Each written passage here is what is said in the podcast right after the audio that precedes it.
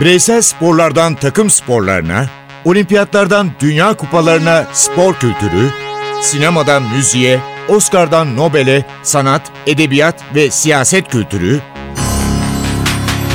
ve dünya tarihinin unutulmazlarıyla ilgili konuşulanlar, olayların perde arkası, yorumlar, sorular ve yanıtlar.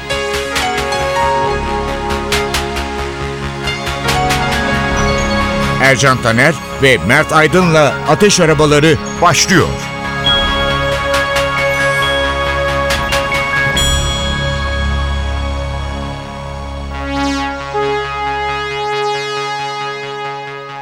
Ateş arabalarına hoş geldiniz. Hoş geldiniz. Sizi Brezilya'ya götüreceğiz. 11 yaşındaki bir çocuğun kısa hayatına. 11 yaşında Brezilya'da ekonomik anlamda iyi durumda değilseniz mutlaka çalışmak zorundasınız. 11 yaşındaki bu çocuk ayakkabı boyacılığı yapıyor. Bir yandan da futbol oynuyor. Ve 16 yaşına geldiğinde bir kulübü var. Adı Santos. Bu çocuğun önemli özelliklerinden biri babasının da futbolcu olması. Ancak genç yaşlarda geçirdiği sakatlık nedeniyle babası futbolu bırakmak zorunda kalıyor. Günümüzle karıştırmayalım 50'li yıllardan bahsediyoruz. 40'lı 50'li yıllarda şimdiki gibi şimdi 25-26 yaşında sakatlanmış bir oyuncunun bile profesyonel oyuncunun bile mutlaka bir birikimi oluyor. O dönemler öyle bir dönemler değil. Bundan 65-70 yıl öncesinden bahsediyoruz. Ve senin de özellikle bahsettiğin gibi ekonomik olarak çok iyi durumda olmayan bir aile. Bu çocuğun hayatında 10 yaşındayken 11 yaşındayken ilginç bir hikaye daha var. Radyodan babasıyla birlikte 1950 Dünya Kupası'nda Brezilya'nın Uruguay'a kaybettiği maçı dinliyor ve hüngür hüngür ağlıyor. Bir gün bunun rövanşını alacağını söyleyerek. 17 yaşında Santos'ta dikkati çekiyor ve Brezilya milli takımına seçiliyor. Yaş 17. Edson Arantes Nascimento Pele. kısaca Pele. Pele. Bir yıldız ayakkabı boyacılığından 17 yaşında futbol olan aşkı ve büyük yeteneği nedeniyle Brezilya milli takımına seçiliyor. Pele'nin kupa başında oynayamaması tabii ki işte çok özel oyuncular var, çok ünlü oyuncular var ama bir yandan da Pele'nin bir sakatlığı var. Yani Brezilyalılar onun yeteneğinin farkında ama dünya tanımıyor. Sadece kulakları çınlasın Halit abi birazcık Türk diye hani büyük yıldızlarla konuşamayınca ona yakın arkadaşı bir Brezilyalı antrenör gazeteci tarafından tanıştırılıyor ve hayatının önemli dönüm noktalarından bir tanesi oluyor Pele'nin. Ve ardından da grup ilerledikçe Brezilyalı futbolcular teknik direktör Feola ile konuşup 11'de değişiklikler istiyorlar. Bu değişikliklerden bir tanesi de Pele'nin oynaması. Şimdi Facebook var, Twitter var, internet var. Bir sürü sosyal medyada imkanlarınız var. Ama o zaman hiçbir şey yok. Fakat Pele'nin adı bir efsane gibi duyuluyor. Şöyle bir olay var. 1967'de bazı iç savaşlar var ama Pele'nin maçı var diye o kısıtlı imkanlarda radyoda dinlemek pahasına ateşkesler bile ilan ediliyor. Doğru. Özellikle 58'deki başarıdan sonra ki attığı goller, gösterdiği performans, final maçında attığı gollerden biri var ki bugün hala jeneriklerde yerini alıyor. Dünya Kupası tarihinin en güzel gollerinden biri. İsveçli oyuncunun üzerinden aşırtıp voleyle ağlara gönderdiği top. Ardından 1958'den sonra Brezilya'nın bir anlamda kültür elçisi oluyor.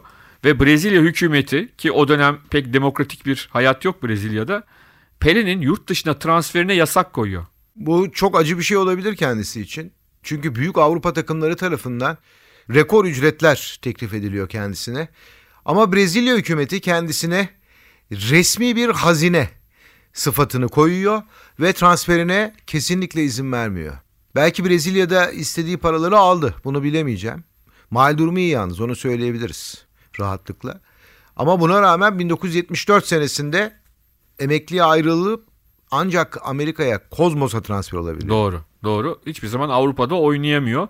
E, Bunun da nedeni bazılarının söylediği gibi korkması ya da çekinmesi değil. Brezilya'nın hükümetinin kendisine bununla ilgili izin vermiyor olması. Ya günümüz deyimleriyle sit alanı ilan ediyorlar Pele'yi. Öyle diyebiliriz. Transfer Doğru. olamazsın diyorlar. Ee, 1962 Dünya Kupası'nda Şili'deki Dünya Kupası'nda bir okulların Pele'nin maçını bir de Güney Amerikalı oldukları için Şilililerin bir sempatisi de var. Pele'nin maçı olduğunda okulların tatil edildiği Brezilya'nın maçları olduğunda hep konuşulur, hep anlatılır. Bahsettiğin gibi dünyanın farklı noktalarında onun maçlarını izleyebilmeleri için ateşkes ilan eden, savaşan güçler de var. Ve de Pele sayesinde 10 numara bir anlam kazanıyor. Yani Pele'ye kadar 10 numara tamamen giymek isteyenler oluyor. Uğurlu sayısı olanlar oluyor ama 10 numara aslında Pele'nin. Hani nasıl Michael Jordan'dan önce de 23 numarayı giyenler olmuştur NBA'de ama 23 numaranın bugün birçok futbolcu tarafından bile giyiliyor olmasının nedeni Michael Jordan'ın giyiyor olması. 10 numara Pele ile anlam kazanmıştır. Doğru. Yani bugün 10 numara meselesi konuşurken Pele'nin aslında o giydiği formanın numarası. Kozmos'tan aldığı ücret 3 yıl için 7 milyon dolar. Amerika'nın o zaman en yüksek transfer parası. Evet. Çok acayip. Şimdi bir savunma oyuncusu 7 milyon doları şu anda beğenmiyor. 1970'lere gittiğimizde 3 sene için 7 milyon dolar. E doğru. Dağlar kadar fark var Enflasyonu arada. falan da Evet. düşünürsek tabii ki aslında o zaman içinde çok büyük bir para. Ve de orada ilginç var. Pele ilk maçına sahası çok kötü olan bir takımla oynarken çıkıyor ve hani yani koskoca Pele bu sahada oynar mı diye çok Amerika'da da açıkçası konuşuluyor, tartışılıyor ama Amerika'da futbola bir renk getirdiği kesin. O dönemde zaten Beckenbauer'den, Beste, Cruyff'tan ondan sonra Kinalya'ya kadar çok fazla ünlü ve o dönemin büyük oyuncusu Amerika Ligi'nde zaten forma giyiyorlar o dönemde. Pele de bunlar arasında en önemli isimlerden biri. Ve ben çocukken şeyi hatırlıyorum. Sen daha iyi hatırlarsın. Pele'nin jübile maçını. Kozmos'la Santos arasında. TRT'den banttan saat fark nedeniyle yayınlanmıştı karşılaşma. İstanbul'a da geldi biliyorsun. Evet. Santos Fenerbahçe maçı vardır. Evet babam anlatır. O maçtaymış. Doğan Babacan ünlü hakemimiz. Yani Pele'nin yakınına kimseyi yaklaştırmıyormuş yani. Yaklaşana foul çalıyormuş dokunmadan daha. Sadece herkes o tribüne gelenler, stada gelenler, İnönü stadı zannediyorum. İnönü stadında. İnönü stadına gelenler en azından Pele'nin o şovunu e, izleyebilsinler diye. Üç evlilik yapıyor Pele. Beş çocuğu var. Bunlardan sadece bir tanesi. Edinho. Futbolla ilgileniyor. O da kaleci değil mi? O da Kaleci. kaleci Santos'ta. Yani şöyle bir şey var. Böyle büyük yıldızların oğulları için aslında çok büyük bir yük. Yani kolay bir iş değil. Yani işte Cruyff'un oğlu Jordi de biraz benzerini yaşadı. Belki soyadı Cruyff olmasa Jordi Cruyff yine hani dünya yıldızı olmasa bile fena bir oyuncu olmayabilirdi ama hakikaten çok büyük yükle mücadele veriyor bu futbolcular, bu gençler. Pele'yi niye beğendi bu dünya? Şunu söyleyebiliriz. Futbolun geleneklerine aykırı ve tamamıyla kendine has Brezilya sistemini, Brezilya oyununu o yeşil sahaya yansıtması. Ve futbolun o andaki gelenekleri, taktikleri, disiplinlerine tamamen aykırı bir oyuncu Pele. Bu yüzden de ona özel oyuncu dediler. Evet. Bir şarkı vardı hatırlar mısın Ercan abi? Bundan 2-3 yıl önce dünyayı sarsmıştı Türkiye'yi de. Brezilya'dan gelen bir şarkıydı. Onu bir dinleyelim mi? Hani Nossa diye başlıyordu. Dinleyelim. Simba! Nossa, nossa, assim você me mata. Ai, se eu te pego, ai, ai, se eu te pego, vai. Delícia, delícia, assim você me mata. Ai, se eu te pego, ai, ai, se eu te pego, hein?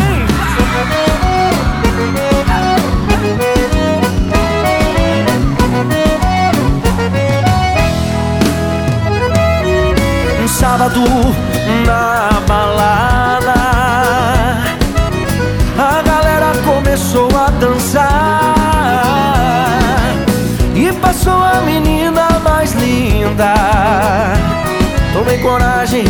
comecei a falar Como é que é, vai? Nossa, nossa, assim você me mata Ai, se eu te pego, ai, ai, se eu te pego Delícia, delícia, assim você me mata Ai, se eu te pego, ai, ai, se eu te pego Tema!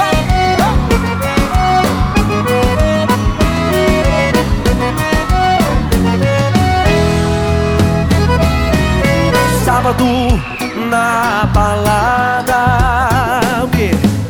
A galera começou a dançar. E passou a menina mais linda. Tomei coragem e comecei a falar Nossa, nossa, assim você me mata Ai, se eu te pego, ai, ai, se eu te pego Delícia, delícia, assim você me mata. Ai, se eu te pego, ai, ai, se eu te pego, hein?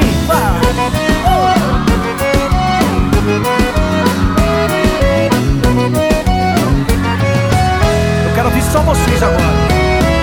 Nossa. Ai, se eu te pego. Delícia, delícia, assim você me mata. Ai, se eu te pego, ai, ai, se eu te pego, hein?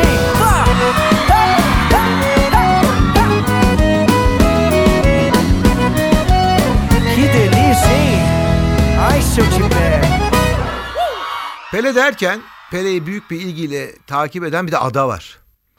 Bu ada 1950'lerde büyük problemler yaşamış Amerika Birleşik Devletleri'ne çok yakın bir yer Küba. General Batista'nın ayrılması, devrilmesi, Fidel Castro'nun yönetime geçmesi tamamen ayrı bir yönetim. Oradan Maradona'ya geleceğiz ama Küba'nın da kendine has usulleri var. Bunlardan biri yıllar önce Mert'le özel bir programda değerlendirmiştik. Bir grup var. Küba ve müzik. Evet Buena Vista Sosyal Sosyal Kulüp, Sosyal Kulüp onları önce Sosyal Kulüp. Bu da aslında bir film için, bir belgesel için bir araya getirilen Küba'nın en önemli müzisyenleri. Yani aslında birlikte bir grupları yokken o film için, o belgesel için bir araya getiriliyorlar ve ondan sonra da dünyayı turluyorlar. Bunların bir kısmı film sırasında 70'li yaşlarının sonunda bunlar maalesef hayatlarını kaybettiler birçoğu. Ama aralarında daha genç olanları da vardı. Ama hakikaten bir belgesel film sinemada bu kadar izlenebilir, bu kadar tutulabilir. Çok kolay olan bir şey değildir belgeseller için bu. Ama Buena Vista Sosyal Kulübü bir anlamda da bir müzikal olarak değerlendirebiliriz. İstersen güzel bir Buena Vista Sosyal Kulüp şarkısıyla devam edelim. Çan çan.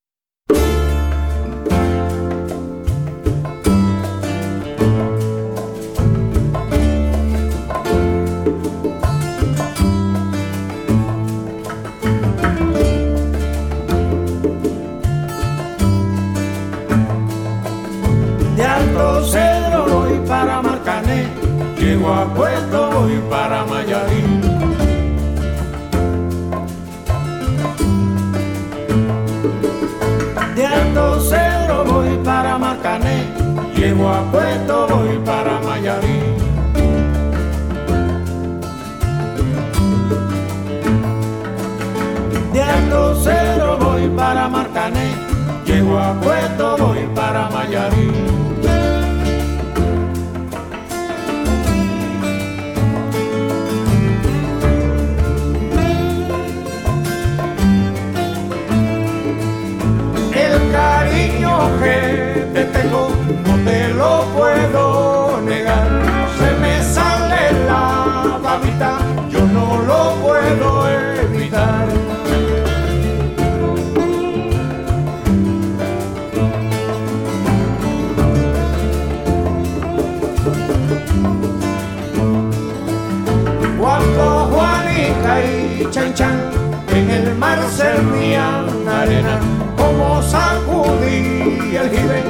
chẳng chẳng le. nào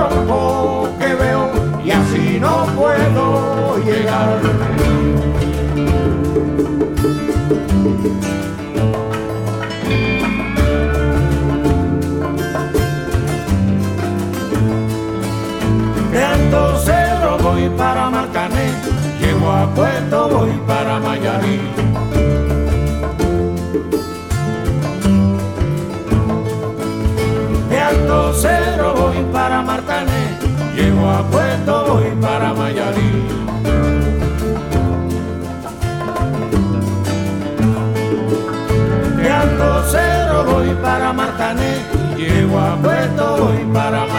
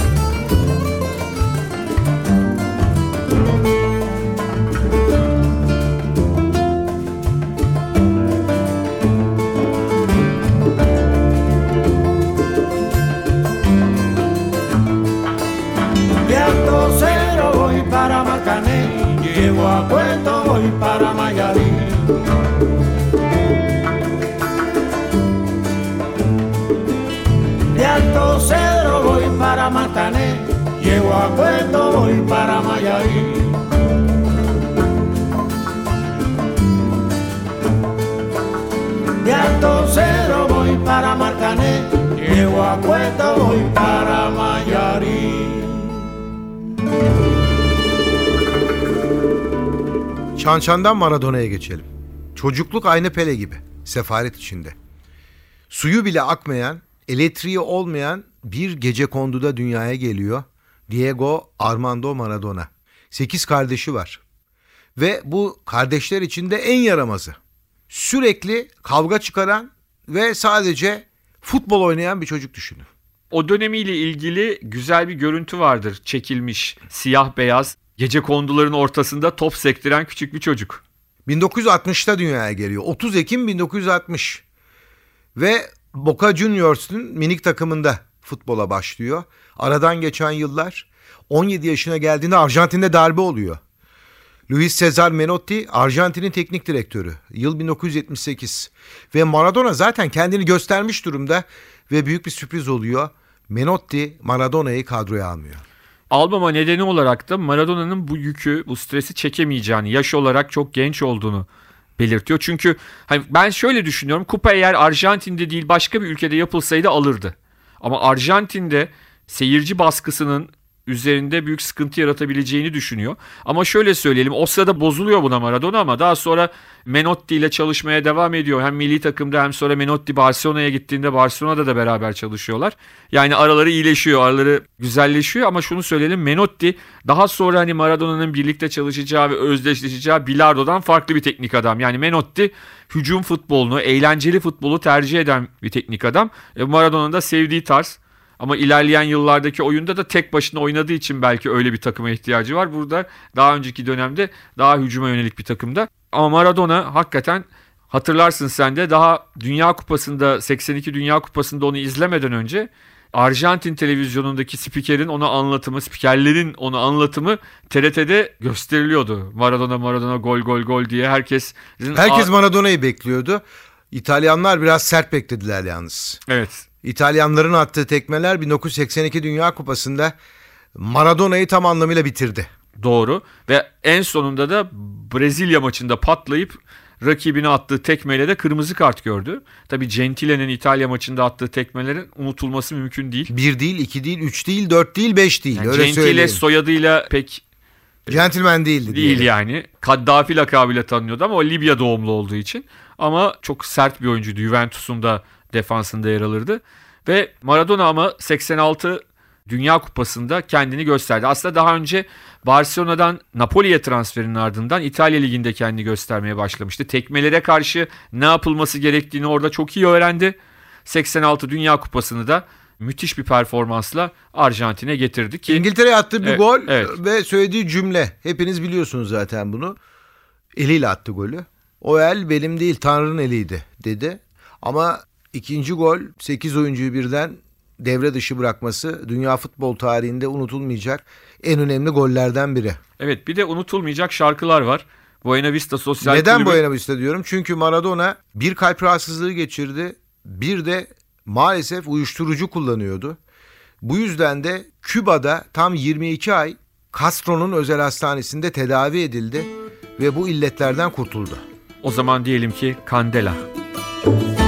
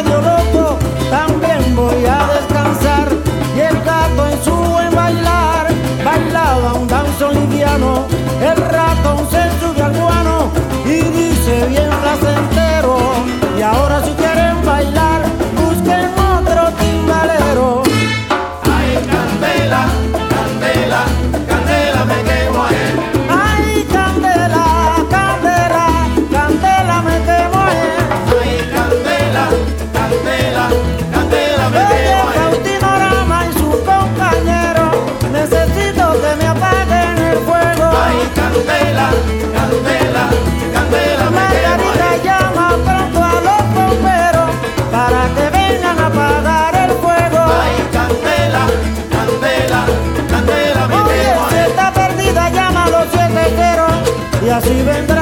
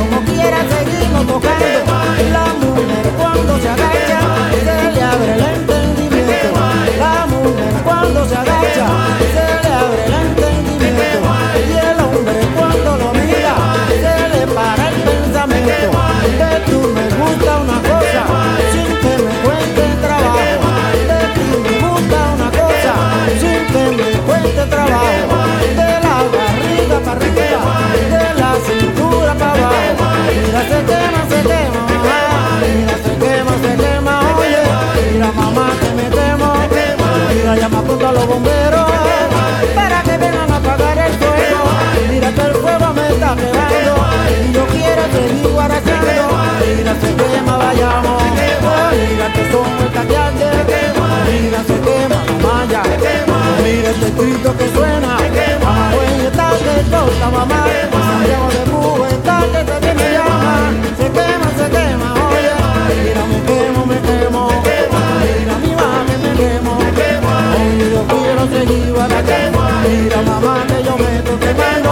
Aquí no me estoy cantando. Mira, se quema, se quema. Mira, mi mami se quema. Oye, se quema, se quema.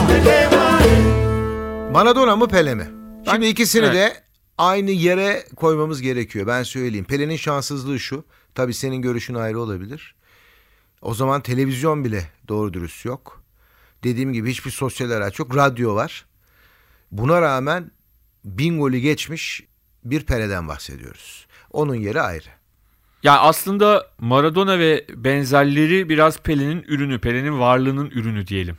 Sonra boynuz kulağa geçermiş tabii ki. Ondan sonra yani her geçen dönem daha farklı oyuncu tiplerini, daha farklı yenilikleri beraberinde getiriyor. Bunu unutmamak lazım. Yani Messi de farklı bir oyuncu, Ronaldo da farklı bir oyuncu. Ondan sonra daha önceki çok Cruyff da farklı bir oyuncuydu. Beckenbauer de farklı bir oyuncuydu. Bunları hani o mu daha iyiydi, bu mu daha iyiydi demek bana çok sağlıklı gelmiyor. Yani işin keyfi de kaçıyor. Herkes bir taraf tutmaya çalışıyor. O daha iyi, bu daha iyi diye. Onun yerine bence hepsinin keyfine varmış olmak önemli. Ha Pele en azından internet üzerinden, videolardan eski maçlarına ulaşmak biraz daha mümkün. Pele'nin eskileri için o da yok. O şans da yok. Bugün hani Di Stefano'nun ki birçokları da Di Stefano'nun en büyük olduğunu söylerler. Garinça'nın mesela. Hepsi Unutulmaması farklı. gereken bir oyuncu olduğunu söylerler ama yok izleyemedik fazla. Evet o yüzden de onlara da haksızlık etmemek lazım. Yani şunu da düşünmek lazım. O oyuncular bugün olsaydı o yetenekleriyle neler yapabilirlerdi bilmek kolay değil. Çünkü birebir o andaki hallerini bugüne taşıyamayız. Çünkü bugün futbol başka türlü oynanıyor. Yeni özellikleriyle nasıl olurlardı, nasıl olmazlardı? Şimdikiler o zaman nasıl olurdu? Bunu açıkçası bilmek mümkün değil. Üzerine ancak spekülasyon yapabiliriz. O da anlamlı olmaz. O yüzden hepsinin büyük oyuncu olduğunu düşünüp hayata devam etmek ya da kendi dönemlerinin en iyi oyuncusu olduğunu düşünmek. Maradona oynadığı dönemin açık ara en iyi futbolcusuydu diyebiliriz rahatlıkla. E, Pele herhalde. için de diyebiliriz. O yüzden de bunu böyle söyleyip çok fazla da işin diğer kısmını karıştırmamak gerekiyor. Peki ateş arabalarını kapatalım. Ben Ercan Taner. Ben Mert Aydın. Mutluluklar diliyoruz. Hoşçakalın. Ercan Taner ve Mert Aydın'la Ateş Arabaları.